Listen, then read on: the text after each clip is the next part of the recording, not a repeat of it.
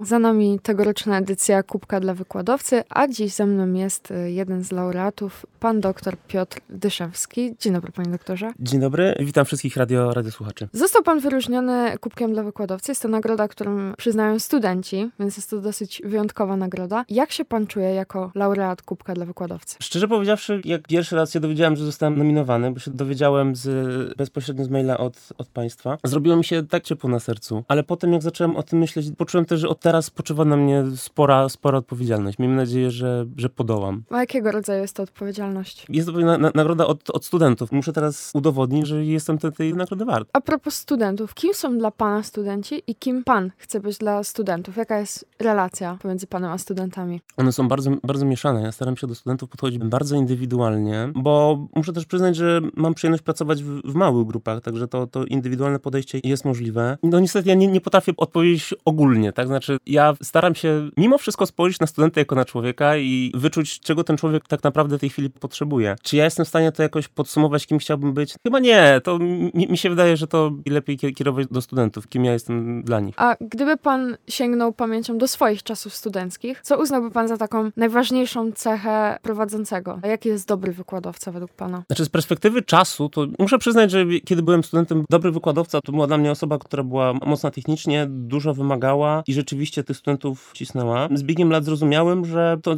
zupełnie nie o to chodzi. Jakbym teraz miał powiedzieć, jak, jak wygląda dobry wykładowca, to, to jest taki, który też przede wszystkim dba o, o zdrowie psychiczne studentów. Zastanawiam się, jakie jest pana podejście do takiego stresu albo niepokoju studenta przed przedmiotem. Czy to jest faktycznie stres lub niepokój przed samym przedmiotem, czy właśnie bardziej przed prowadzącym? I czy ten stres motywuje studenta, czy właśnie demotywuje w drugą stronę? Mi się wydaje, że to jest taki stres, który jest związany raczej przed nieznanym, niekoniecznie przed prowadzącym, czy tym, co się na tym przedmiocie odbywa, co ja bym mógł powiedzieć, wziąć głęboki oddech i brnąć do, do przodu. Nawet najstraszniejszy prowadzący, jak już się go pozna, to potrafi być bardzo milutki. Także prowadzących nie należy się bać. My też jesteśmy ludźmi. A jeszcze, jeżeli by pan miał wrócić z powrotem do tych czasów studenckich, bo mhm. dużo studentów ma taki problem, że na etapie studiów nadal nie wie, co chce robić w przyszłości. I czy pan od zawsze wiedział, kim chce pan być, czy y, pan też miewał na swojej ścieżce różnego rodzaju kryzysy? Oczywiście. Znaczy, ja mam wrażenie, że ja mam kryzys co drugi dzień. I to, że się w wieku 20 lat nie wie, co chce się zrobić w życiu, to jest w zupełności, w zupełności normalne. Co można na to powiedzieć? To jest też tak, że wybierając studia czy pierwszą pracę, to nie jest coś, z czym się wiążemy na całe życie. Człowiek ma taką tendencję do przystosowywania się do bardzo wielu dziwnych warunków, tak? To, to jest jeden z głównych powodów, dla którego tak sobie podporządkowaliśmy całą ziemię i no, mi się wydaje, że na tym trzeba jechać. Znaczy, jeżeli jest jakieś miejsce, gdzie nam się nie podoba, po prostu się spokojnie przenieść i znowu wykorzystując tą, tą elastyczność, zawsze się gdzieś, gdzieś odnajdziemy. Także kryzys jest normalny, on jest też indykatorem tego, że myślimy świadomie o swojej przyszłości. Także broń Boże się tego nie bać, starać się użyć tego jako narzędzia do, do, do szukania ścieżki dla siebie. Co w takim razie sprawiło, że pana pociągnęło do tej ścieżki kariery? Co, co panu się najbardziej podoba w pana pracy? Ja się zawsze czułem mocny w tym, zawsze się czułem dobrze i w momencie, w którym wybierałem się na doktorat, czułem instynktownie, że, że to jest rzeczywiście to miejsce, w którym powinienem być. Jeżeli chodzi o to, co mi się najbardziej podoba, to muszę przyznać, że swoboda przede wszystkim, że nie przychodzi dobrze ubrany pan z, z biznesu w garniturze, który nie do końca wie, wie, czego chce i dyktuje mi, czym mam się zająć. Rzeczywiście ja samodzielnie decyduję o tym, czym zajmuję się naukowo i czego uczę, uczę studentów. A czy uchyliłby pan rąbka tajemnicy, czym pan się zajmuje naukowo? To jest trudne pytanie. Naukowo zajmuję się badaniem probabilistycznych własności układów cząstek, które mogą ze sobą wchodzić w interakcję albo, albo też nie, które albo się dzielą, albo rozchodzą w przestrzeni. Ja, ja przepraszam, bo jednak prawda jest taka, że matematyka to jest, to jest taka dziedzina, która jest bardzo wizualna. Tak bardzo ogólnie stochastycznymi układami cząstek. Czy czuje pan powołanie do tego, aby być wykładowcą, czy jest to taki etap przejściowy na ścieżce kariery naukowej? Uczelnie wyższe są tak skonstruowane, że siłą, siłą rzeczy trzeba, właśnie można spędzać trochę czasu ze studentami i, i ich nauczać. Niektórzy widzą to rzeczywiście jako, jako przeszkodę, jako coś, co ich rozprasza. Ja nauczyłem się rzeczywiście wyciągać z tego sporo radości, bo jestem w stanie tak dobrać sobie te, te zajęcia, że uczę się razem ze studentami. Jeżeli znajduję pewne zagadnienie, które mnie bardzo interesuje i chcę się jego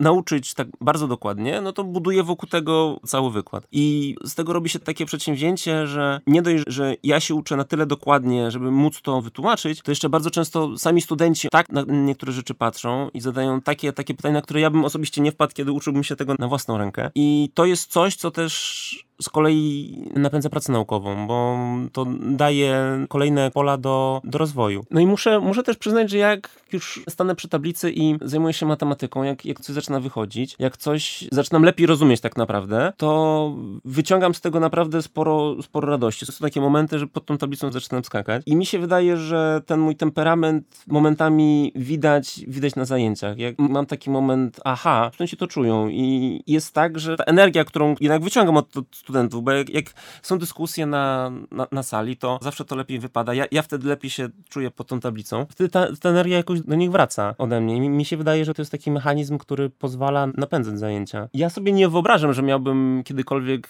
zrezygnować z, z nauczania, no właśnie, właśnie przez to, że mimo wszystko od studentów można się naprawdę dużo nauczyć. Czyli pan raczej jest zwolennikiem takiego interaktywnego prowadzenia zajęć. Raczej pan wciąga studentów w dyskusję, a nie prowadzi sucho wykład i wykłada teorię. Oczywiście. Znaczy, matematyka ma to do siebie, że jest mocno techniczna i momentami ciężko jest wciągnąć studentów w, w dyskusję. Staram się, kiedy mogę, dużo rysować i to tę, to tę dyskusję napędza, bo dopiero podczas dyskusji ze studentami ja jestem w stanie wyczuć, na ile oni rozumieją to, o czym do nich mówię. Moim zdaniem to jest, to jest kluczowe, bo jak, bo jak jest dyskusja, to wtedy ten wykład, te zajęcia jakoś, jakoś żyją i to się rzeczywiście chce prowadzić. No i oczywiście bywają takie sytuacje, kiedy albo ja się nie wyśpię, albo jest jakiś cięższy dzień, albo materiał jest po prostu tragiczny, ale przez niego trzeba przebrnąć i to też się rzeczywiście czuje. I ja staram się z takich wykładów mieć jak, jak najmniej. Także moim zdaniem dyskusja na wykładzie to jest to, czym wykład żyje tak naprawdę. I wspomniał pan o tym, że czasem pan się nie wyśpi, czy jest bardzo trudny materiał i to są takie przeszkody, wydawałoby się, życia codziennego, ale jakie są jeszcze trudności w pana pracy? Mógłbym teraz zacząć, zacząć narzekać na administrację uniwersytecką i na ogrom, ogrom papierkologii, który czasami na mnie gdzieś tam spływa, ale tak szczerze powiedziawszy,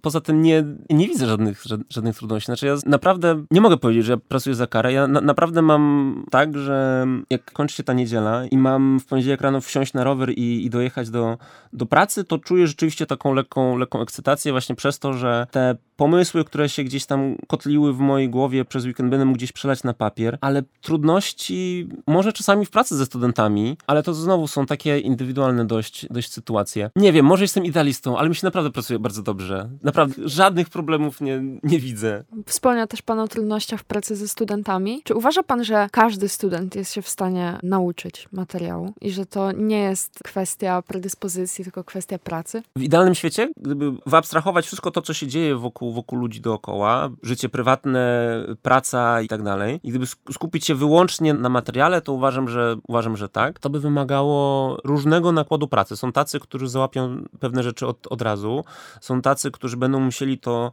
jakoś przeżyć po swojemu. W matematyce jest akurat tak, że bardzo, bardzo wiele rzeczy można sobie wytłumaczyć przez patrzenie na analogię. To Banach kiedyś, kiedyś powiedział, że dobry matematyk widzi analogię między, między strukturami, a świetny matematyk widzi analogię między, między analogiami. I to jest tak, że ci studenci, którzy są troszeczkę bardziej obyci, oni oczywiście będą to, y, te analogie łapali szybciej, ale też pamiętajmy, że niby wszyscy chodzimy na te same wykłady, niby wszyscy piszemy raporty na podobne tematy, wszyscy dostajemy te, te same egzaminy, ale nie gramy, nie gramy w tę samą grę. Oceny, one są oderwane od, od tego całego życia, które się dzieje gdzieś tam wokół, wokół nas. Czasami jest tak, że w życiu prywatnym coś się zadzieje, albo akurat zdarzy się jak, jakaś świetna, świetna okazja na, na, na rozwój w innym, w innym kierunku. Także abstrahując od wszystkiego, jestem zdania, że, że każdy jest się w stanie nauczyć każdego materiału. Nie wydaje mi się, żeby koniecznie do tego, do tego dążyć, bo jednak no, wszyscy mamy życie poza uczelnią, nie? I to też trzeba gdzieś brać pod, pod uwagę. To nie jest ani konkurs, ani wyścig. A jeżeli chodzi o oceny, jakie jest Pana podejście do ocen? One są zupełnie bez sensu. To jest tak, że oceniać powinno się ze względu na, na rozwój. Znaczy, jeżeli byłbym nauczycielem WF-u i zrobiłbym na, na początku semestru jedną przebieżkę, zmierzyłbym studentom czas, po całym semestrze na ostatnich zajęciach zrobiłbym to samo i wtedy mógłbym ich ocenić na podstawie różnicy między, między tymi czasami. Bo jednak wszyscy łapiemy w różnym tempie i to się z kolei przekłada na, na te oceny. Staram się studentom powtarzać, że te studenty są nieistotne, że one są nieważne, żeby się nimi nie przejmowali. Oni jakoś nie chcą, nie chcą mi wierzyć. Oni mi, jak to usłyszą, to znowu mi nie uwierzą, ale ja się staram oceniać naprawdę łagodnie. Mimo wszystko to nie o cenę chodzi. Każdy sprawdzian, każda kartkówka, każdy raport to naprawdę dla mnie to jest informacja zwrotna. Ostatnie kolokwium, jakie, jakie zrobiłem studentom, było zupełnie bez ocen. Ja, ja tylko sprawdziłem, sprawdziłem rozwiązania, nie, nie oceniałem, bo zależało mi przede wszystkim na tym, żeby no właśnie nie myśleli o tych ocenach, tylko żeby skupili się na tej informacji zwrotnej. Co umiem i czego jeszcze nie umiem, co jest jeszcze do, do nauczenia. Ostatecznie te oceny traktuję jako jakąś taką przykrą, przykrą powinność, bo coś tam w tym systemie na koniec trzeba, trzeba wpisać. Staram się mówić studentom, żeby podchodzili do tego podobnie, ale no, ja, ja rozumiem, że oni są w takiej sytuacji, że nie, nie, niekoniecznie, że niekoniecznie chcą mi wierzyć. Tak, bo od ocen może bardzo dużo zależeć, no, ale one często chyba są takim czynnikiem, który demotywuje dodatkowo. Jeżeli student dostanie złą ocenę, a powiedzmy przygotowywał się do danego kolokwium dłuższy czas, to raczej się czuje zdemotywowany. I czy uważa pan, że stawianie złych ocen może sprawić, że uczniowi odechce się po prostu powtarzać ten materiał w domu i że może uznać, że że się nie nadaje w jakiś sposób. Przypomniała mi się taka sytuacja na, na, pierwszym, na pierwszym semestrze studiów, kiedy z algebry liniowej na koniec semestru ja dostałem trójkę i to był taki pierwszy, mój taki pierwszy szok. To jest tak, że jest zupełnie nowe środowisko, ale człowiek jakoś to wskakuje, jakoś to leci. Muszę przyznać, że ja jestem wdzięczny za, za ten sen, bo to był taki kubeł zimnej wody na, na moją głowę i to mnie bardzo, bardzo mocno zmotywowało. No i ja się potem ze egzaminu oczywiście miałem piątkę. To jest tak, że w odpowiedniej sytuacji, w odpowiednim na ten no to co, coś takiego może zadziałać e, rzeczywiście motywująco. Problem pojawia się wtedy, kiedy, kiedy tego jest za dużo, kiedy człowiek próbuje raz i, i mu nie wychodzi. No okej, okay to się wtedy zbierze, próbuje drugi, trzeci i efekt jest ten sam. I, I, mi się wydaje, że problem się pojawia w momencie, w którym człowiek czuje, że natrawia na, na ścianę. Wydaje mi się, że to, to, to wszystko można rozwiązać tak, takim bardziej indywidualnym podejściem do studenta. Można wtedy takiemu człowiekowi powiedzieć, no okej, okay, to, to tu i tu nie wyszło, spróbuj tak i tak. No ale znowu, ja sobie zdaję z zupełności sprawę, że tego typu rozwiązania nie zadziałają w momencie, kiedy ma się większy wykład, czy powiedzmy na, na, na 400 osób. Rzeczywiście mam ten przywilej, że mam, mam małe grupy i tam dokładnie czuję, tak mi się przynajmniej wydaje, ile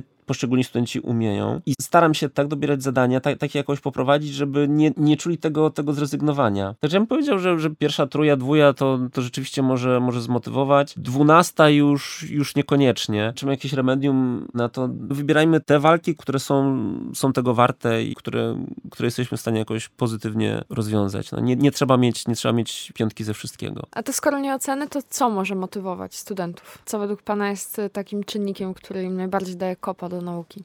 Muszą lubić przychodzić na zajęcia.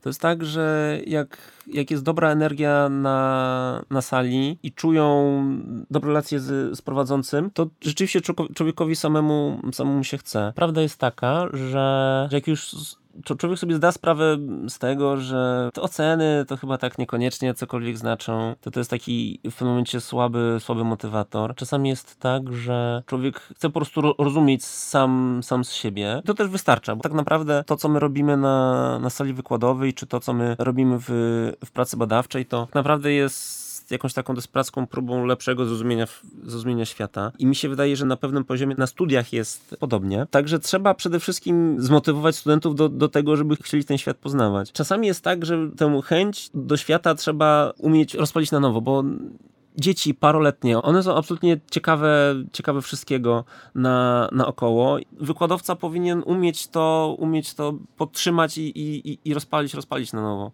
Powiedzieć dobrą historię, zakręcić tak, żeby chciało się, chciało się wiedzieć, co w tej historii jest, jest dalej. Jak już człowiek sam z siebie będzie chciał wiedzieć, co tam się za chwilę wydarzy, no to on, on nie będzie czekał na następny wykład, on nie będzie czekał, aż ktoś mu, ktoś mu to powie. On sięgnie po książkę, on, on sam pójdzie do laboratorium i, i po prostu sprawdzi, bo jak czytamy dobry kryminał, to, to, to nie jest tak, że my możemy przestać, nie? To jest tak, że jak już się zacznie, jak już się to toczy, no to, no to chcemy, chcemy więcej. Tak, no studentom trzeba odpowiedzieć dobrą historię, żeby ona do nich przemówiła. To nie musi być historia z jakąś szczególną puentą, ale ona powinna być na tyle nasycona, żeby student chciał zobaczyć, co jest dalej. I to jest dobry początek na, na to, żeby już mógł się rozwijać tak naprawdę sam. A czy według Pana matematyka jest swego rodzaju narzędziem do poznawania świata? Jeżeli tak, to w jaki sposób? Być może jestem stronnikiem ale matematyka to główne narzędzie do tego, żeby poznawać świat. Oczywiście fizycy się będą pewnie teraz, teraz kręcić nosem. Przede wszystkim istnieje jakieś takie, ja może zacznę troszeczkę wcześniej. Jak mówię ludziom, że jestem matematykiem, no to oczywiście to pierwsze co słyszę to jest o ja z matematyki zawsze byłem słaby, słaba, dzielenie wielomianów z resztą albo liczenie całek w ogóle mi nie, nie, nie wychodziło. To pokazuje, że ludzie kojarzą matematykę bardziej z obliczeniami, ale prawda jest taka, że jak już się wejdzie na odpowiedni poziom, to matematycy nie mówią o obliczeniach, tylko mówią o strukturach. To jest tak, że my tworzymy tak naprawdę pewien język, który nam pozwala opisywać różne zjawiska. I to, co my opisujemy, jak opisujemy, może się brać z bardzo, bardzo wielu nawet prostych rzeczy. No, samo takie pytanie o, o tasowanie kart, nie? Znowu, ja bym bardzo chętnie pokazał jakoś na, na rękach, jesteśmy w radiu. Chodzi mi o sposób tasowania, gdzie my dzielimy talię na pół i potem robimy takie... Mam nadzieję, że wiadomo o co chodzi. I można by się zapytać, no przede wszystkim, ile razy trzeba takie tasowanie, ile razy trzeba takie trrr zrobić, żeby talia była dobrze potasowana. I to jest też coś, co, o co zapytali mnie kiedyś, kiedyś uczniowie, kiedy opowiadałem im o tym zagadnieniu. Czy może być tak, że będziemy tasować talię tak długo, że ona będzie dobrze potasowana, a potem ją potasujemy i ona potem znowu będzie źle potasowana, cokolwiek, cokolwiek to znaczy. No i matematyka daje język do tego, żeby o takich zjawiskach mówić. No i oczywiście naukowo to można by powiedzieć, że takie tasowanie widzimy jako łańcuch Markowa, który jest takim spacerem losowym na grupie permutacji i daje możliwość, żeby to wszystko tak, tak ściśle, ściśle wysłać Aha, no i jakby to, jakby to kogoś interesowało, to taką talię należy tasować 7 y, razy, 6 jest, jest stanowczo niewystarczająco. No i to jest to, taka dobra matematyka, ona bierze przykłady z życia, bierze takie naturalne pytania, buduje wokół tego struktury, które, okej, okay, zgodzę się, one są techniczne, ale dzięki temu, że, że no właśnie takie, takie są,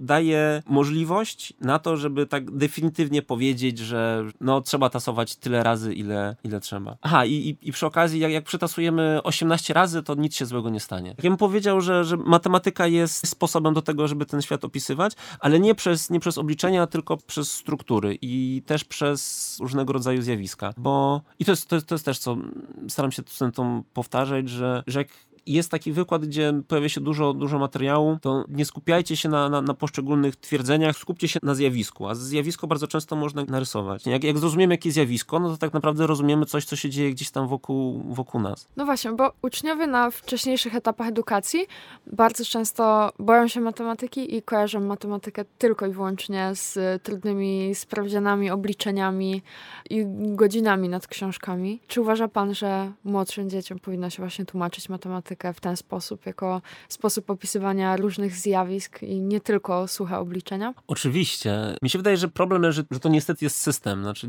yy, dzieci w bardzo dużych liczbach trafiają do tej klasy i tak naprawdę uczymy te dzieci po te jakieś standaryzowane testy. No a te standaryzowane testy, no właśnie są ułożone tak, że mają sprawdzić jakąś sprawność rachunkową. Moim zdaniem, no nie tędy droga. Nie wiem, czy jest, jest jakiś sposób na to, żeby ten system obalić. Jedyne, co mogę polecić, no to jeżeli zależy nam na, na matematycznej edukacji naszych dzieci. Rodzice, na ile są w stanie, no, wytłumaczyli dzieciakom, że to, to naprawdę nie chodzi o jakieś prawa sinusów, kosinusów. To, to, to nie chodzi zupełnie o to, tylko jakieś takie proste obserwacje, nawet geometryczne. Ja wiem, że to, to, to co teraz powiedziałem, jest strasznie, strasznie ciężkie do, do zrealizowania, ale być może nie, nie należy myśleć o, o tylko o edukacji matematycznej, bo do pewnego stopnia każdy chyba przedmiot w szkole jest troszeczkę wypaczony właśnie przez, przez ten system. Jako matematyk wiem, że moje dzieci będę starał się ukierunkować matematycznie właśnie tak, tak bardziej, bardziej indywidualnie. A ich innych rodziców, którzy zostali skrzywdzeni przez ten, przez ten system, no jedyne co mogę powiedzieć, to znajdźcie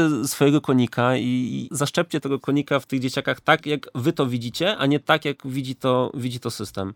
Moim zdaniem rodzic jest w stanie lepiej nauczyć, nauczyć materiału dziecka niż szkoła tak naprawdę. Nie polegajmy zbyt mocno na tej edukacji szkolnej, bo ja mam jakieś takie przeczucie, ja, ja, jej troszkę nie ufam tak naprawdę. Ja wiem, że to jest trudne, wiem, że no jako młody rodzic wiem, że tego czasu jest mało, tych sił jest mało, ale to tak naprawdę jest też czas spędzony z dzieckiem. To, to trzeba na to w ten sposób, sposób spojrzeć. Jest to system, z którym się jakoś, jak, jakoś męczymy, ale, ale znajdźmy, znajdźmy sposób, znajdźmy jakąś jedną niszę, którą, którą rzeczywiście można sprzedać dzieciakom. Czyli żeby byli się w stanie cieszyć tym tak jak, tak jak my. Tym akcentem dość optymistycznym zakończymy naszą rozmowę. Ze mną był pan dr Piotr Dyszewski z Instytutu Matematycznego. Bardzo dziękuję panu za rozmowę. Dziękuję ślicznie, do widzenia.